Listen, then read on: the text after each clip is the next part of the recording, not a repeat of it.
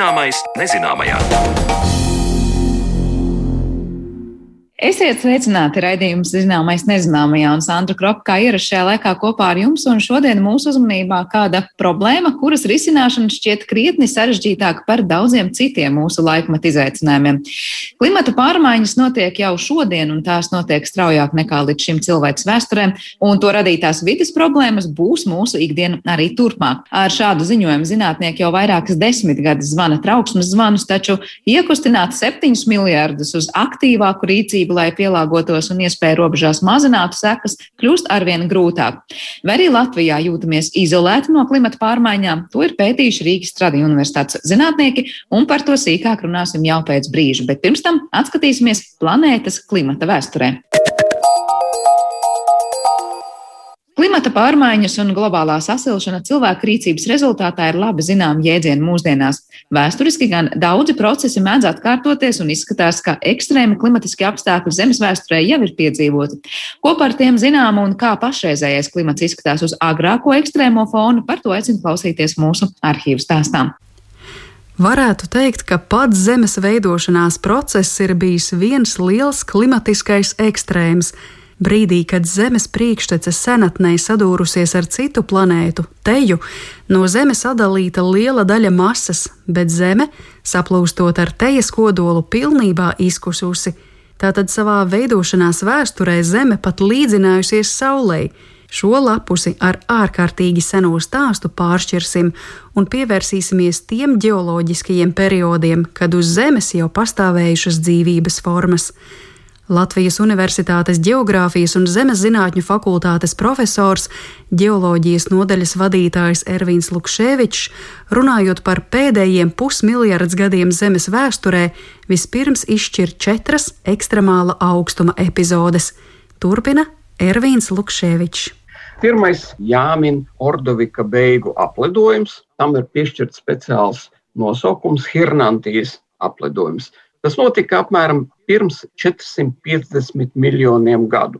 Globālā temperatūra tajā brīdī kļuva apmēram 14,5 grādiem. Apledojums bija raksturojams ar samērā nelielu laiku, bet ļoti bargs klimats. Un notika pat divas izmiršanas. Gan ne tieši saiknē ar klimatu pārmaiņām, bet tur ir citi iemesli. Pirmkārt, apledojumam izveidojoties, ļoti lielas platības aizņēma ledājs, bieza ledāja. Pie tam vēl tas notika dienvidu puslodē, nevis ziemeļu puslodē, un okeāna ūdens izgulsnējies uz kontinenta. Rezultātā pasaules okeāna līmenis ļoti strauji samazinājies. Un tie organismi, kas, piemēram, pie gultnes piestiprinās, vienkārši nespēja aizmukt un atrast patvērumu. Tas bija viens vilnis, un pēc tam, kad eh, klimats uzlabojās, eh, vēl viena nelaime. Okeāni kļuva ļoti slikti ventilēti, un piegultnes ūdeņi saturēja ļoti maz skābekļa. Nu, tad tas otrs vilnis vēl arī tos palicējus arī nedaudz patraucēja.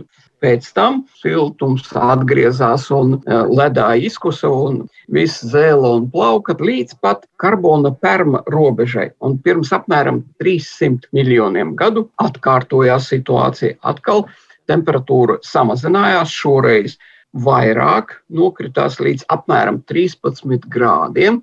Un atkal dienvidu puslodē uz e, milzīga kontinenta, kuru dēvē par Gondvanu, attīstījās sauszemes apledojums, aizņēma ļoti plašas teritorijas. Un atkal pasaules okeāna līmenis kritās, bet par laimi jāsaka, tāda masveida izmiršanas epizode tomēr nav novērota. Trešā reize, kad temperatūra ekstremāli nokritusies, ir saistīta ar ļoti liela asteroīda ietriekšanos Zemē pirms 66 miljoniem gadu un tas ir stāsts par dinozauru, amonītu, lielo jūras rāpuļu, zīdītāju, putnu un augu izmiršanu. Pierādījums šim triecienam ir relatīvi nesen atrasts milzīgs krāteris Meksikas teritorijā un Meksikas līcī. Nu, aprēķina rāda, ka pateicoties triecienam, uz ļoti īsu laiku, no lielākais desmit gadiem, temperatūra nokritās līdz rekordzemai, globāli 11,8 grādi. Nu, tas ir pats ekstremālākais ekstrēmums. Bet izmiršana tomēr notikusi ar triecienu saistīto iemeslu dēļ. Tātad notika uh, sprādziens, sadursme, asteroīds izrāva milzīgu bedri, patiešām iespaidīgu, vairāk kā 100 km diametrā. Trieciena vilnis, nu, tas pārsteigāja visu pasauli, acīm redzot, un izraisīja meža ugunsgrēkus, izraisīja tsunami vilni. Un vēl atmosfērā tika izmests tik daudz putekļu, tvaika un sēra savienojumu, ka iestājās kodolziema, proti saules stari nespēja sasniegt zemes virsmu un tāpēc temperatūra strauji kritās. Visbeidzot, kā ceturtā lielā un mums vislabāk zināmā augstuma epizode jāmin pleistocēna apladojumi, kas izpaudās arī ziemeļu puslodē. Bargākais klimats ir eh, bijis aptuveni pirms 20 tūkstošiem gadu mūsu pašu sugas homo sapiens pārstāvji tad jau bija vienīgā cilvēku suga uz Zemes. Bet spēja pielāgoties un eksistēt, neskatoties uz to, ka minimālā temperatūra globālā bija apmēram 12,4 grādi. Un pleistocēnā arī mēs varam novērot pazīmes, kas liecina par izmiršanu, bet nevis saiknē ar klimata paveicināšanu. Gan dzīvnieki spēja pielāgoties, gan daži augi. Nu, kā labs piemērs varētu būt mamuti. Ja tad, kad klimats kļuva vēsāks, tad zilonim atauga garāki mati, bet tad, kad pēc maksimālā apledojuma kļuvis siltāks, tad tas notika ļoti strauji. Un ne visas dzīvnieku sugas spēja vienlīdz labi pielāgoties šādām pārmaiņām. Mēs zinām, ka mamutus medīja, bet cik liela loma bija samērā nelielai cilvēku populācijai, kas nodarbojās drīzāk ar mamutu mazuļu medībām, ne jau tos milzīgos ziloņus mēģināja apspēlēt kaut kādā veidā. Vai šobrīd nu, pastāv vispār tāda hipotēze apsvērums, ka ledus laikmets Zemes vēsturē atkal varētu atkārtoties? Laika gaitā mainās gan Zemes asins noliekums, gan Zeme atrodas tālāk no Saules, te orbīta kļūst gandrīz apaļa, un arī Saule maina savu aktivitāti periodiski. Visus šos faktorus kopumā analizējot, viens slavens matemātiķis, serbs Milankovičs savulaik noformulēja šādu uh, hipotēzi, kas nu, lielā mērā apstiprinājusies, ka uh, Saules enerģijas daudzuma izmaiņas, ko saņem Zeme, arī spēcīgi ietekmē klimata attīstību un var novērot cikliskumu cikliski klimats kļūst vēsāks vai siltāks. Sanāk, ka tuvākā nākotnē mūs sagaida drīzāk ledus laikmets. Mm -hmm. Bet pateicoties tam, ka cilvēks spēja tagad ļoti būtiski ietekmēt klimatu, iespējams, ka normāla procesu virzība tagad ir traucēta. Ļoti būtiski atzīmēt, ka izmiršana galvenokārt saistīta ar pasiltināšanos, ne ar paveicināšanos. Un tas ir tas kāpēc cilvēki ceļ trauksmi tagad. Jo tas, ko mēs novērojam pašlaik, ir klimata pasiltināšanās. Te arī nonākam pie četrām ekstremālām karstuma epizodēm Zemes vēsturē. Saistībā ar pirmo epizodi atkal varam atgriezties pagātnē pirms 540 miljoniem gadu. Aizsākumu ekstremālam siltumam apmēram 80 miljonu gadu garumā, globālai temperatūrai pārsniedzot 25 grādus. Šī iemesla dēļ sauszeme netika apdzīvota, visa dzīvība eksistēja jūrā. Tālāk seko jau mums zināmais stāsts par Ordovika beigu apladojumu un temperatūru ap 14,5 grādiem, bet tad atkal jauna karstuma epizode. Nākamais posms ļoti interesants, ka pēdas var izsekot tepat Latvijā.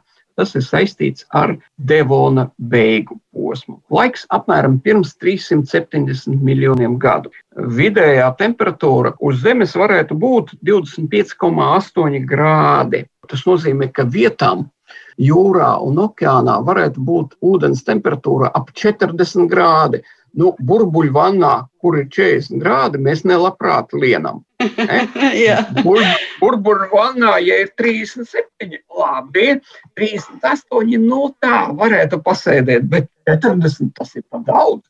Šādu klimatu dēvē par saunas klimatu. Un kaut arī šis ir bijis īss posms ap desmit miljoniem gadu tomēr bija pietiekami daudz dzīvu organismu, kas nu, laikam nespēja pielāgoties un notika izmiršana. Nu, nākamā epizode ir saistīta ar perma beigām, atminamies karbona un perma robežas apledojumu, bet pēc 55 miljoniem gadu iestājās pats karstākais laika posms Zemes vēsturē - 27,9 grādi vidējā globālā temperatūra.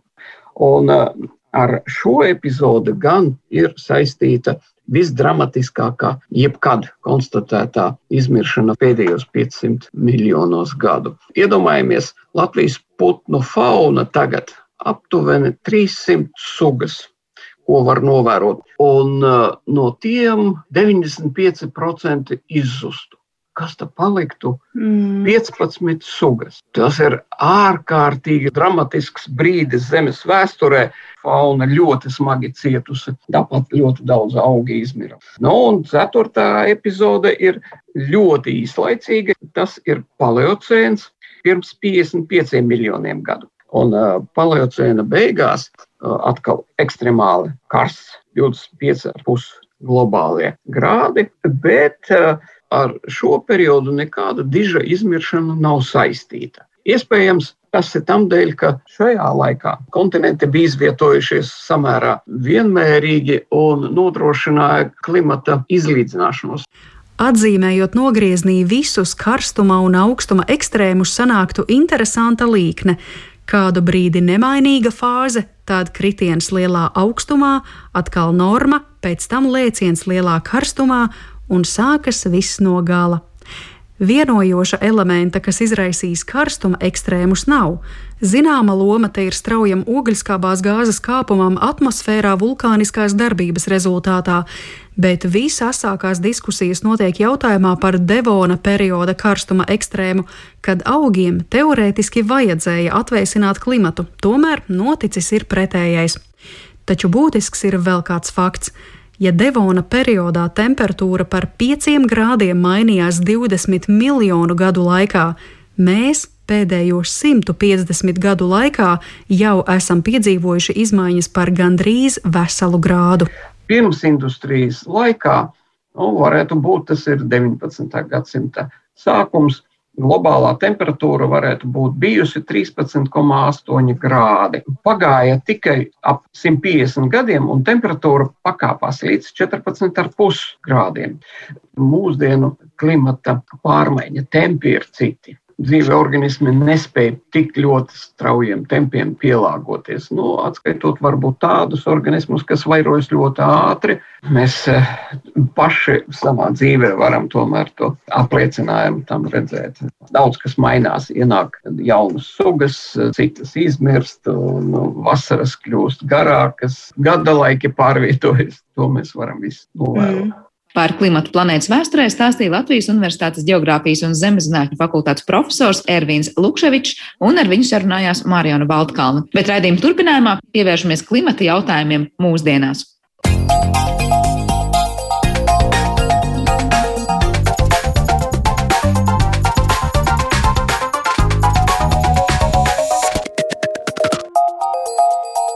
Zināmais nezināmajā. Glāzgovas klimata konference ir noslēgusies, uzliekot starptautiskai sabiedrībai jaunus mājas darbus, tostarp mazināt akmeņogļu izmantošanu enerģētikā un mazināt mežu izciršanu, kas atsevišķos pasaules reģionos šobrīd notiek nepieredzētā apmērā. Taču lielai daļai iedzīvotāju pasaulē, tostarp arī Latvijā, šīs politiskās diskusijas šķiet tālas un viņu dzīves neskarošas. Rīgas Stradiņa universitātē veiktā pētījumā ir skaidrots, kāda ir Latvijas iedzīvotāju attieksme pret klimata pārmaiņām un vai arī mēs mēs noskatāmies uz šo procesu no malas, neizjūtot draudus, par kuriem runā klimata pētnieki. Par to šodien visu sīkāk mēs runāsim arī raidījuma turpinājumā uz mūsu studijas viešņu, un pie mums šodien ciemos ir Rīgas Stradiņa universitātes doktoranta un Eiropas studiju uh, fakultātes pētniece Vineta Kleinberga. Labdien! Labdien!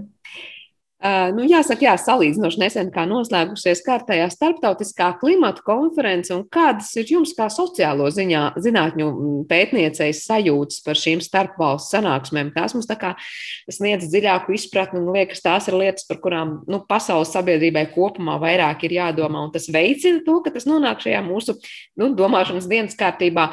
Vai gluži pretēji, tā ir tāda cilvēkiem, kas ar to nav varbūt dienas dienā saistīti, sajūta, ka nu, tas ir kaut kas, kas notiek kaut kur tālu no manis, un man tas īstenībā neskar. Kāda varbūt jums ir šī gada aktualitātēs tās sajūtas? Nu, varētu teikt, ka tās sajūtas ir divējādas. No vienas puses, šādi lieli starptautiski notikumi palīdz daudz vairāk apzināties arī mums šeit, Latvijā, ka tā ir problēma. Un, nu, tādā Latvijas specifikā vai vēl vairāk tādā vēl, e, postkomunismu valstu specifikā, kur e, klimata un vidas jautājumiem ilgstoši ir bijusi tāda salīdzinoši maza loma e, politisko partiju un politiķu dienas kārtībā. Šādiem lieliem starptautiskiem notikumiem ir nozīme, jo tie caur, caur šiem starptautisko aģentu parādās arī mūsu, mūsu politiskajā dienas kārtībā. No otras puses, Jautājums, vai šie notikumi, ja tie netiek saistīti tieši konkrēti ar Latviju, vai viņi daudz rezonē mums tādā cilvēka apziņā. Un šeit tā atbilde nav, tik viennozīmīga. Es varētu pastāstīt nedaudz vairāk par aptauju, ko mēs veicām vēl pirms šīs Glasgow konferences. Šā gada pavasarī, maija beigās, uh, varētu teikt, eh, labā ziņa, eh, ja mēs skatāmies uz Latvijas sabiedrību, ir tā, ka lielākā daļa iedzīvotāju, 86%, principā piekrīt apgalvojumam tam, ka mm, klimata pārmaiņas ir reāls un notiek. Tā saucamais klimata skepticisms sabiedrībā ir visai maz izplatīts. Taču tajā pašā laikā ir nianses, ja mēs runājam par mērogu vai par jautājumu prioritāti. Un šeit tie dati liecina, ka lielākā daļa respondentu, 83%, uzskata, ka klimata pārmaiņas ir nopietna problēma pasaulē. Jau krietni mazāka daļa respondentu, 53%, aptuveni puse, uzskata, ka klimata pārmaiņas ir nopietna problēma Latvijai. Ja mēs uh, tuvinamies vēl vairāk individuālam līmenim, tad tikai 27% respondentu uzskata, ka klimata pārmaiņas ir uh, nopietna problēma uh, pašam un savai ģimenei. Un šeit mēs redzam, jā, ka problēma it kā samazinās, jo vairāk tā mums tuvinās. Un, līdzīgi arī, ja mēs runājam par klimata pārmaiņām kā tādu prioritāru problēmu, tad mūsu aptauja liecina to, ka mm, klimata pārmaiņas, ja, ja piemēram cilvēkiem ir jāizvēlās no saraksta, kura tad vispār kopumā būtu visnopietnākā problēma pasaulē, tad klimata pārmaiņas kā nopietnāko problēmu pasaulē atzīmē tikai 6% no respondentiem. Un tā ievietojas tikai sestajā vietā aiz infekcijas slimībām, nu, kas šobrīd šajā situācijā ir pašsaprotami, aiz ekonomiskās situācijas, aiz bruņotiem konfliktiem, aiz nabadzības bada dzeramā ūdens trūkuma un aiz starptautiskā terorisma. Un šie, nu, šie, šie rezultāti, protams, nav ļoti pārsteidzoši. Tos jau tādā ilgstošākā laika periodā ir apstiprinājuši arī Eirobarometra pētījumi mēs kārtībā reizi novērojam šo tendenci. Bet tas nozīmē, ka mēs neesam neko atšķirīgi no citām Eiropas valstīm, vai uh, tas ir par mums Eirobarometra pētījumos teikts, ka nu, tas problēmu sadalījums apmēram ir tāds, kā jūs tikko arī nosaucāt un secinājāt? Mēs atšķiramies no citām Eiropas Savienības valstīm. Uh, mēs uh, šajos rādītājos, līdzīgi kā daudz kur citur, esam tā saucamajās zemākajās vietās Eiropas Savienībā. Latvijas iedzīvotāju apziņā klimata pārmaiņas ir salīdzinoši daudz, daudz eh, mazāka problēma nekā, nekā Eiropas Savienībā vidēji. Nerunāsim jau nemaz par Ziemeļvalstīm vai par Vāciju. Ar ko jūs to skaidrot? Jūs no vienas puses pieminējāt sarunas sākumā šos postkomunismu apstākļus, bet uh, droši vien tas nav vienīgais. Un tajā pašā laikā es zinu, ka mēs bieži arī sakām, nu, mēs Latvijā salīdzinoši varbūt mazāk kā citviet izjūtam to, kādas reāli tās klimata pārmaiņas šobrīd jau sevi piesaka. Jo, protams, mēs nevaram salīdzināt, es nezinu, sevi ar kādu atolu valsti, kuru vienkārši tuvākajā nākotnē pārņems ūdens. Bet tajā pašā laikā es domāju, ka nu, neviens zinātnēks, kas mums šobrīd dzird, teikt, ka mums ir ļoti daudz vidas problēmu Latvijā, kur patiesībā klimata pārmaiņas sevi jau piesaka, taču tās varbūt nav tik redzamas un ikdienā sajūtams tādam nu, ikdienas cilvēkam. Nav, tāda, nav tādas viennozīmīgas atbildes uz šo jautājumu. Es domāju, ka tas ir kompleksa problēma. Klimata pārmaiņas pat par sevi ir daudzšķautņaina problēma. Tā ir milzīga problēma laikā un telpā. Un es arī iedomājos, ka teiksim, tādā iedzīvotāju apziņā ir grūti pašam saprast un iedomāties, ko tad cilvēks tieši var izdarīt, lai mazinātu klimata pārmaiņas tādu, lai varētu novērot šo efektu savas dzīves laikā. Tāpat Protams, nu, lomu spēlē tas, jā, ka, ka jautājums nav bijis politisko partiju dienas kārtībā, un tas ir lielā mērā saistīts ar, ar postkomunistisko pārēju. Ir grūti ieviest retorikā klimata pārmaiņu tematiku, ja jautājums uh, vispār iepriekš uh, nekur uh, nav dominējis. Un, protams, ir jau arī salīdzinoši grūti runāt par klimata pārmaiņām vai motivēt sevi un citus, ja nav bijušas personīgas pieredzes saistībā ar klimata pārmaiņām. Un it īpaši tas ir sakāms par valstīm, kurās daudz akūtākas ir citas problēmas, un Latvija pieder pie tām. Mēs labi zinām, jā, ka Latvijā Nozīmīga problēma ir sociālā nevienlīdzība. Un šādos apstākļos teikt, jā, ka klimata pārmaiņas, kas ir tāds netverams salīdzinoši fenomens, šādā situācijā jā, ir grūti teikt, ka nu, tas ir tas draudošākais uz šo brīdi. Tas par to personīgo pieredzi arī ir interesants aspekts, jo nu, no vienas puses cilvēks, kura varbūt biznesa saskaras ar to, ka klimata pārmaiņu ietekmē vai klimata pārmaiņu nu, seku mazināšanas ietekmē. Tur varbūt tiek dažādas pārmaiņas eh, likumdošanā un kas cits veiktas, lai, lai varbūt nu, viņam darboties šobrīd būtu nērtāk vai grūtāk, ja, piemēram, viņa darbošanās sfēra ir tā, ka šobrīd ļoti daudz emitētu CO2. Jūs to teikt, šajā aptaujas rezultātā cilvēkiem tā būtu personīgā pieredze ar klimatu pārmaiņām, bet cilvēki to nesaistīs. Viņi to drīzāk sasaistīs ar jaunām likumdošanas prasībām, vai kaut kādām politiskajām dienas kārtībām, vai kādām citām lobby interesēm, vai viņi sapratīs, ka, piemēram, kaut kādi ierobežojumi jomā, kas rada lielas CO2 emisijas, patiesībā ir stāsts par klimata pārmaiņām, un tās viņi skar personīgi. Tas ir ļoti interesants jautājums tieši no narratīva viedokļa, un tas ir tas, ko mēs eh, arī pētām savā pētījumā. Jo Latvijā ļoti bieži runā par eh, dažādām tēmām, kas ir saistītas ar klimatu pārmaiņām, piemēram, par eh, atkritumu apsaimniekošanu vai par um, vai par piemēram, to pašu arī dabas resursu nodokli, bet šie jautājumi bieži vien netiek vispār saistīti ar klimata pārmaiņām.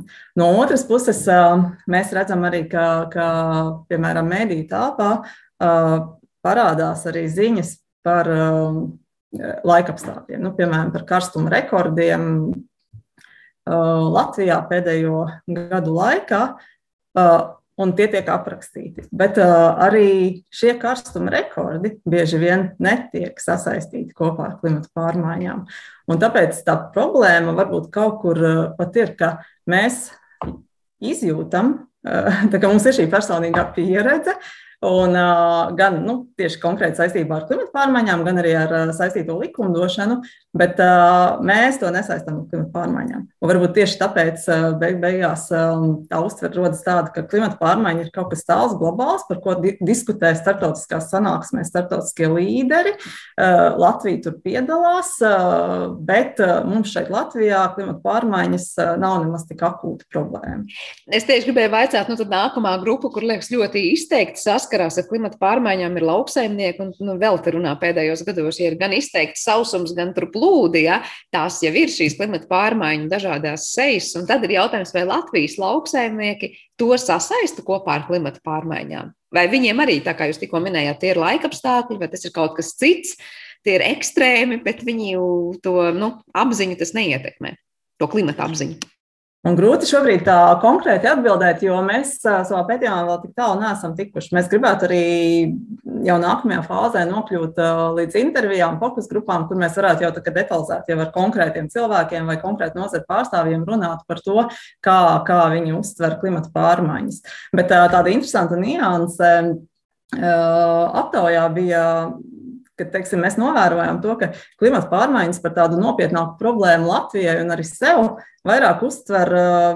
Piemēram, zemgālē dzīvojošie.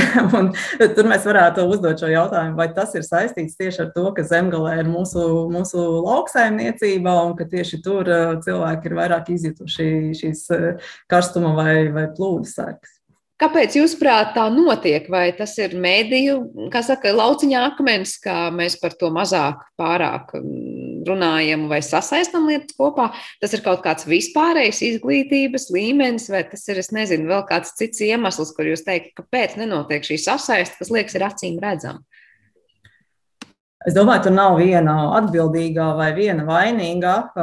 Tas, ko, ko mēs pētām, jā, ir šie narratīvi. Un tas, ko mēs šobrīd redzam, ir, ka narratīvi ir ļoti sadrumstaloti. Mums ir viena telpa, kurā runā politiķi, viena telpa, kurā, eh, kurā parādās klimata pārmaiņas pasaulē, ledāju kušana, un tajā runā starptautiskie zinātnieki. Tad ir vēl viena telpa, kurā mēs runājam par laikapstākļiem Latvijā, bet neslēdzam tos kopā ar klimata pārmaiņām un, eh, un, eh, un nu, veidojas šī ļoti sadrumstalotā diskursīvā vide. Un, tas, tas, ko, protams, var mēģināt, un, protams, ka liela loma tajā ir mēdījiem, ir uh, sasaistīti kopā. Piemēram, uh, ir daudz ziņu par uh, ledāju kušanu un uh, par to, kā tas ietekmēs uh, situāciju pasaulē. Ir veikts atsauces uz zinātnieku pētījumiem, starptautisku zinātnieku pētījumiem. Uh, Varbūt, ka šādās ziņās būtu vērts uzaicināt arī kādu Latvijas zinātnieku, kurš spētu šo situāciju nokomentēt tieši saistībā ar Latviju, kādu efektu tas radīs uz Latviju, ka, ko Latvijai vajadzētu darīt. Vai līdzīgi arī, piemēram, par starptautiskajām sanāksmēm, par, par klimata, klimata sanāksmēm vienošanos. Uh, Līdzīgi bieži vien tiek atspoguļotas ASV, Krievija, Donalds Trumps, Joe Bidenis. Bet ko Latvija par to domā? Ar kādu pozīciju Latvija piedalās šajās sanāksmēs? Arī tas bieži vien neparādās. Kur ir tas klupšanas akmens? Nu, jūs nosaucāt visu to, ko patiesībā mēs kaut vai šajā raidījumā liekas regulāri darām, un lai neko, bet Latvijas zinātnieks mēs tiešām par vides problēmām un klimata pārmaiņām un tas, kā tas, kas notiek Arktikā, ietekmē Latviju un ietekmēs Latviju, esam runājuši, un es zinu, arī kolēģi Latvijas televīzijā to ir darījuši un dara. Vai jūs, prāt, tas notiek par mazu, un mēs esam kaut kur margināli malā, un tas ir tāda sava burbuļa iekšienē runāšana, un tie, kas to jau zina, to pašu arī klausās? Vai kur ir tā problēma? Jo man liekas, nu, žurnālistu vidū es neteiktu, ka nu, nav tā, ka Latvijas zinātnieki neizsakās par klimata pārmaiņām un nesasaist to, kas notiek kaut kur ārpus Latvijas robežām, ar to, kā tas ietekmēs mūs šeit, pat uh, Latvijā uz vietas. Es noteikti novērtēju to lielo darbu, ko dara Latvijas Rādio un Latvijas televīzija, bet, piemēram, tas mūsu pētījums uz šo brīdi liecina, jā, ka uh, lielākā auditorija un teiksim, lielākais ziņu apjoms, kas ir saistīts ar klimata pārmaiņām, tas parādās ziņu portālos. Un, piemēram, tajos tik lielā mērā šī jautājuma sasaiste nenotiek. Tā ir viena lieta. Nu, protams, ka var, var darīt vairāk, bet otrs arī. Protams, ir jautājums arī par uzticēšanos, jo var jau stāstīt vairāk un vairāk, bet, ja cilvēks neusticās konkrētajiem mēdījiem, tad viņš viņu nepatērēs un visticamāk jau arī šīs ziņas nemaz neizlasīs.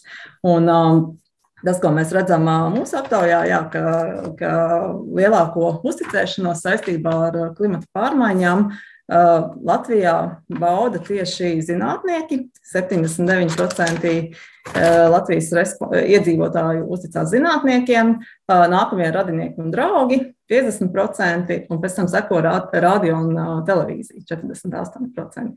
Savukārt Jā, savukārt, teiksim, ja mēs runājam par politiķiem, tad tie ir tikai 14%, valdības iestādes 32%. Un tad jautājums ir viens par pašiem mēdījiem, kuriem uzticās, un otrs ir par cilvēkiem vai tiem saucamajiem runas vīriem, ko mēdī izmanto savā, savā ziņā vai sižetā. Un, Piemēram, ja mēs skatāmies uz ziņu portāliem, tad ļoti bieži, piemēram, tad, kad ir runa par Latviju un klimata pārmaiņām, tad tajā telpā runā politiķi. Savukārt, ja runa ir par klimata pārmaiņām pasaulē, tad ir zinātnieki, bet starptautiskie zinātnieki. Tad secinājums, ka mediju telpā kopumā, ja mēs skatāmies, zinātnieki pārāk maz tiek pie vārda, komentējot to sasaist ar pasaulē notiekošo un to, kā tas skar un skars Latviju. Es domāju, tādā ikdienas patēriņa mēdījos Latvijas zinātnieki iespējams būtu vairāk jāuzaicina. Vai tas ir atkal no otras puses, tas rādītājs ir diezgan augsts, cik ļoti tic zinātniekiem Latvijas sabiedrība, un tajā pašā laikā, cik ļoti maz viņi tiek sadzirdēti. Vai te tas pārmetums, kā jūs tikko teicāt, ir vairāk tajā, ka mēdī par retu un par maz ļauj zinātniekiem izteikties, vai zinātnieki paši ir nesadzirdēti un varbūt, es nezinu, nu, neprot līdz sabiedrībai aiznest to vēstījumu nu, visiem saprotamā vai visiem viegli uztveramā veidā, vai to jūs arī pētījāt? Mēs tik tālu vēl neesam tikuši, bet uh, es kārtībā reizi negribētu vainot vienu vai otru vai trešo. Es domāju, tas ir tāds, uh, tāds uh, komplekss uh, jautājums un uh, sadarbības jautājums. Un Nu, ir kur augt vēl katrā ziņā, ir, ir augt, visās pusēs, bet dati liecina to, ka ja vien zinātnieki vairāk tiktu, nezinu, aicināti izteikties, tad, redzot, dzirdīgas ausis Latvijas sabiedrībā noteikti atrastos. Es par politiķiem vēl gribēju vaicāt, es, protams, pieņemu, ka tur arī prasās sīkāk un smalkāk pētīt, ko jūs varbūt tikai darīsiet, Eh, bet no pašiem dažiem politiķiem es esmu dzirdējis to, ka viņi saka, mūsu pašu vidū tā saprašana un zināšanas ir ļoti, ļoti zemā līmenī par klimatu, par ļoti daudz ko. Vai jūs saskatāt to, ka tas ir viens no tiem klupšanas akmeņiem, kāpēc patiesībā gan neusticās politiķiem, kad varbūt tā dienas kārtībā eh, klimata jautājumi nenonāk tik bieži un tik varbūt pamatoti, kā gribētos, jo pašu politiķu vidū izpratne par klimata pārmaiņām un to, kā tās skar un skars Latviju, ir diezgan zema. Mēs, protams, to neesam vēl izpētījuši, bet uh, es uh, pieņemu, ka tā varētu būt uh, viena, viena no atbildēm, jo nu, klimata jautājumi nav bijuši tādā aktuālā dienas kārtībā. Un jāsaka, ka uh, klimata jautājumi aktualizējušies ir uh, lielā mērā tikai pēc uh, Krišjāna Kariņa valdības nākšanas pie varas. Tur, protams, varētu būt zināms um, faktors tieši pašā Kariņa kunga personībai, viņa lielajai bagāžai Eiropas politikā, bet, protams, To var arī uzskatīt par tādu veiksmīgu apstākļu sakritību, jo tas bija tieši tas brīdis, kad Eiropas Savienība nāca klajā ar Eiropas zaļo kursu. Tas bija brīdis, kad notika sarunas par Eiropas Savienības jauno daudzgadu budžetu, kurā klimata jautājumiem ir ļoti liela loma.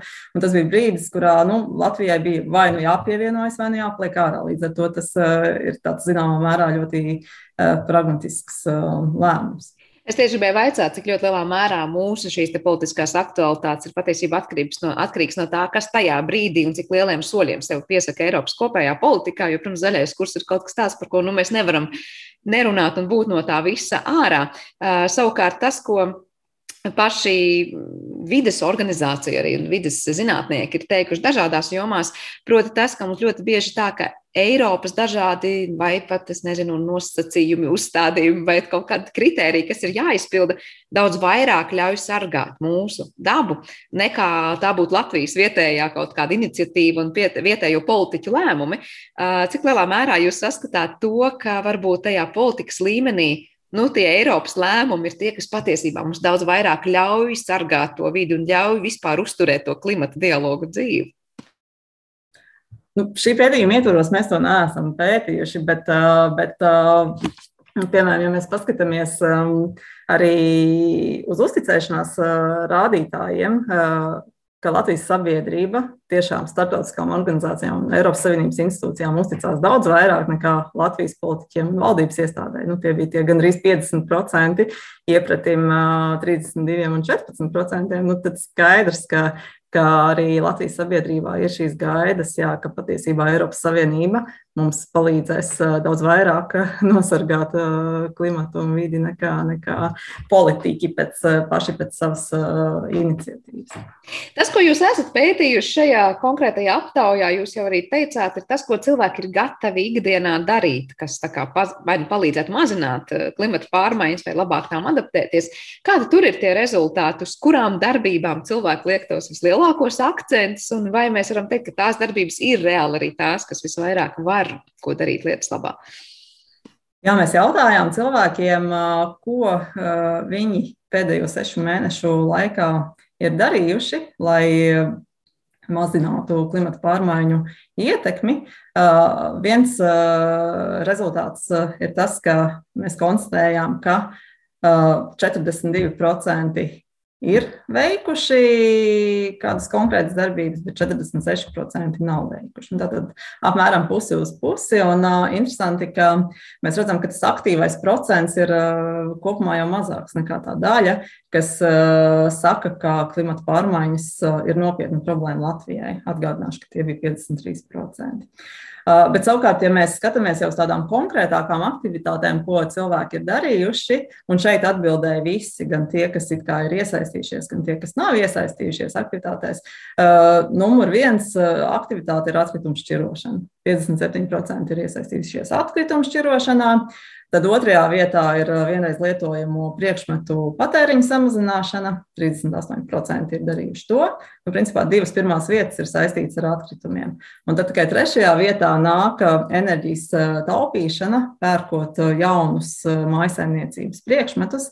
Apmēram trešā daļa no respondentiem ir darījuši to. Pēc tam mēs redzam, ka apmēram piekdaļa iedzīvotāju ir iesaistījušies vai izvēlējušies vidē draudzīgāku alternatīvu personiskā transporta vietā, nu, vai nu iet ar kājām, vai velosipēdu, vai braukt ar sabiedrisko transportu. Tad 15% ir izvēlējušies iegādāties lietotas preces, 10% ir apzināti izvēlējušies neiegādāties preces vispār.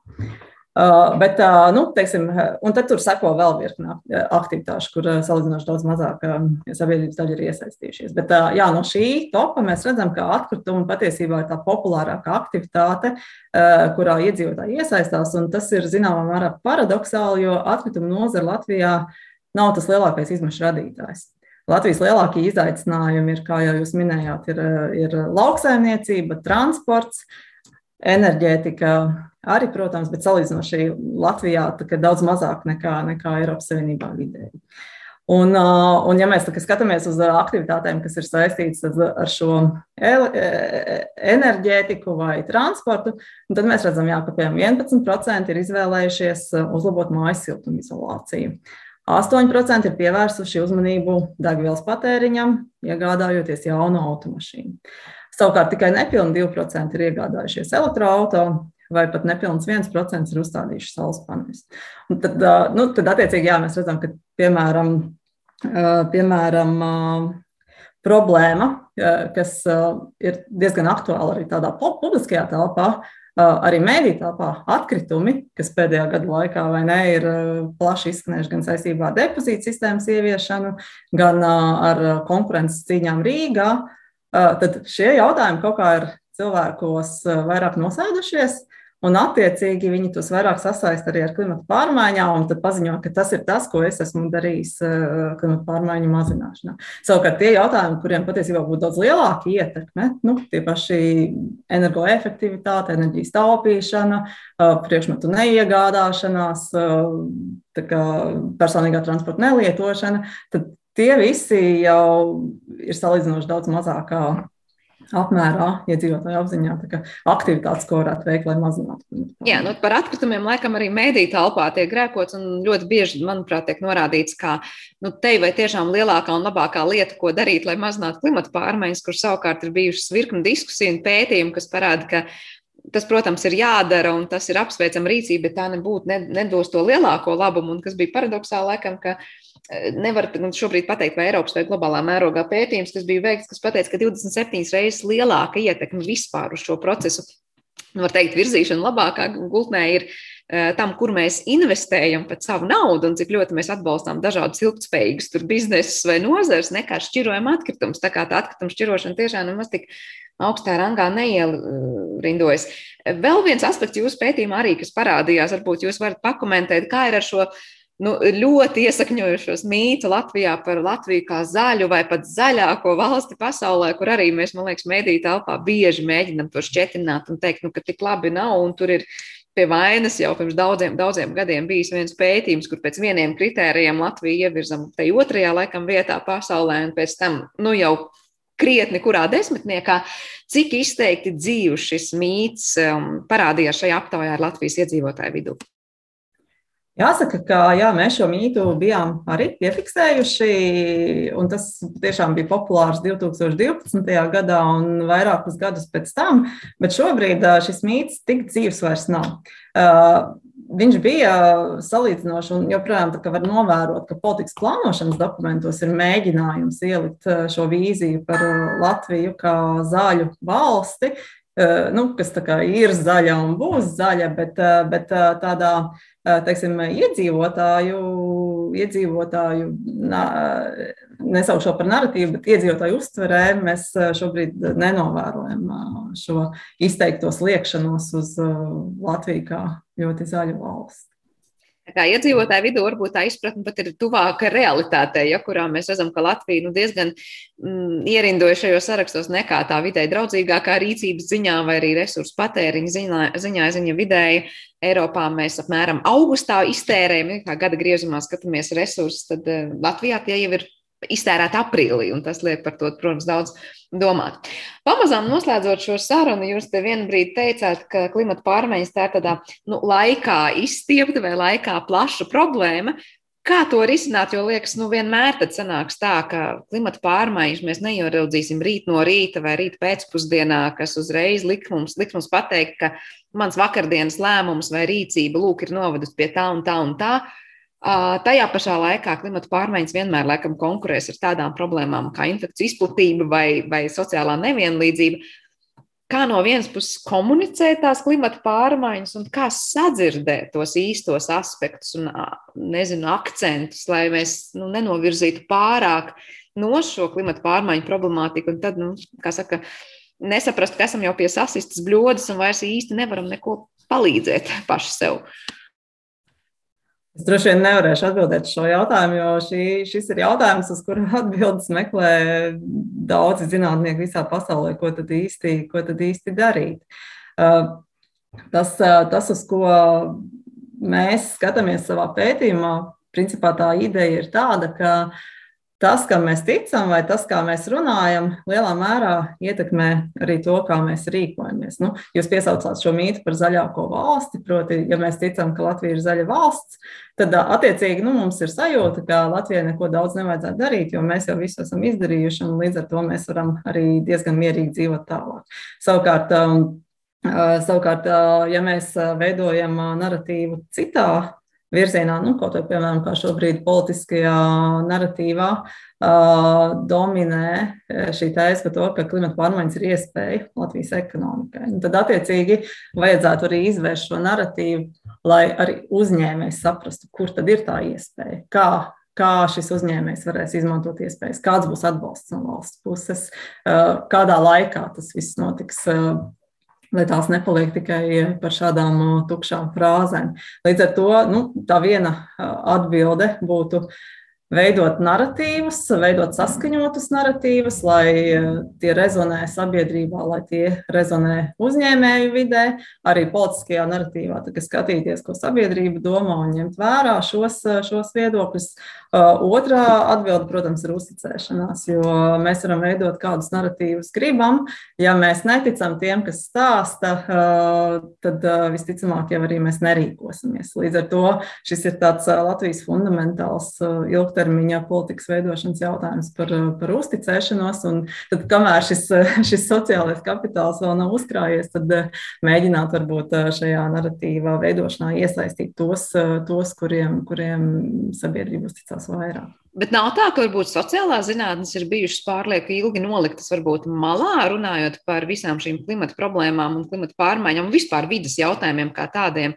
Jo man liekas, ka daudz cilvēku apziņā vēl joprojām liekas, ka vidas jautājumi, nu, tas ir vai nu tas, ko tur tie zaļie domā, vai dabas draugi dara, vai biologi, vai kāds cits stāstīs, bet eh, kaut kāds trūkstošais starposms starp to, kāda tad ir sociālo zinātņu loma un pienesums tajā, lai varbūt tās rīcības un vērtības tiktu kaut kā uzrunātas cilvēku.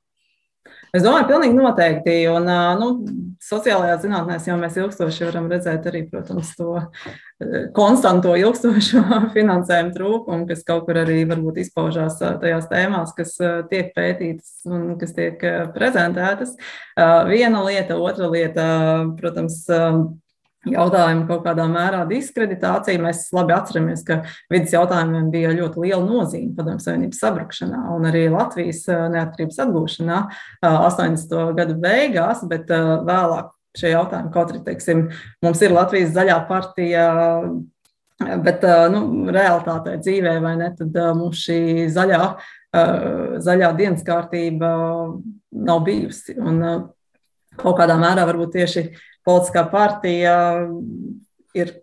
Nu, es neteikšu, ka tieši šī konkrēti šī, bet nu, varbūt arī politiskā līmenī zaļie jautājumi ir diskreditēti zināmā mērā. Kā rezultātā nu, ne no politiskās puses ir bijis piedāvājums, ne no sabiedrības puses ir bijis pieprasījums, ne no zinātņu puses ir bijis tāds ieguldījums un iniciatīva. Beig, beigās, jā, mēs šobrīd atopamies tajā situācijā, kad mums ir jārunā un jākomunicē par jautājumu, kurš ir tā ļoti ilgstoši bijis atstāts novārtā. Jā, bet nu, vieši cerība tas, ko jūs teicāt, ka Latvijā diezgan liela sabiedrības daļa ir tā, kas vismaz starptautiskajām organizācijām varbūt tic un uzticās, un viņi saskata to, ka tur ir tā problēma, par kur varbūt Latvijā tiek runāts par maz, un es ļoti ceru, ka tā procenta daļa varbūt nu, sabiedrībā, kas ir spējīga uh, apjaust to kā problēmu, kas skar arī Latviju, varbūt tiks skaļāk sadzirdēta un vairāk varbūt ko pieprasīs. Lai gan tiešām interesanti, ko rādīs jūs nākamie pētījumi, vai precīzāk šī pētījuma padziļinātāka kāda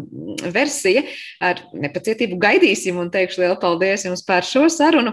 Atgādināšu klausītājiem, ka jā, šajā raidījuma pusstundā mēs bijām kopā Rīgas Stradiņu universitātes doktorantu un Eiropas studiju fakultātes pētnieci Vinetu Kleinbergu. Ar to arī raidījums ir izskanējis un par to parūpējās producenta Paula Gulbīna. Ginska, mūzikas redaktors šai stundai bija Girds Bišs, bet ar jums kopā es Sandra Krapa. Uz tikšanos!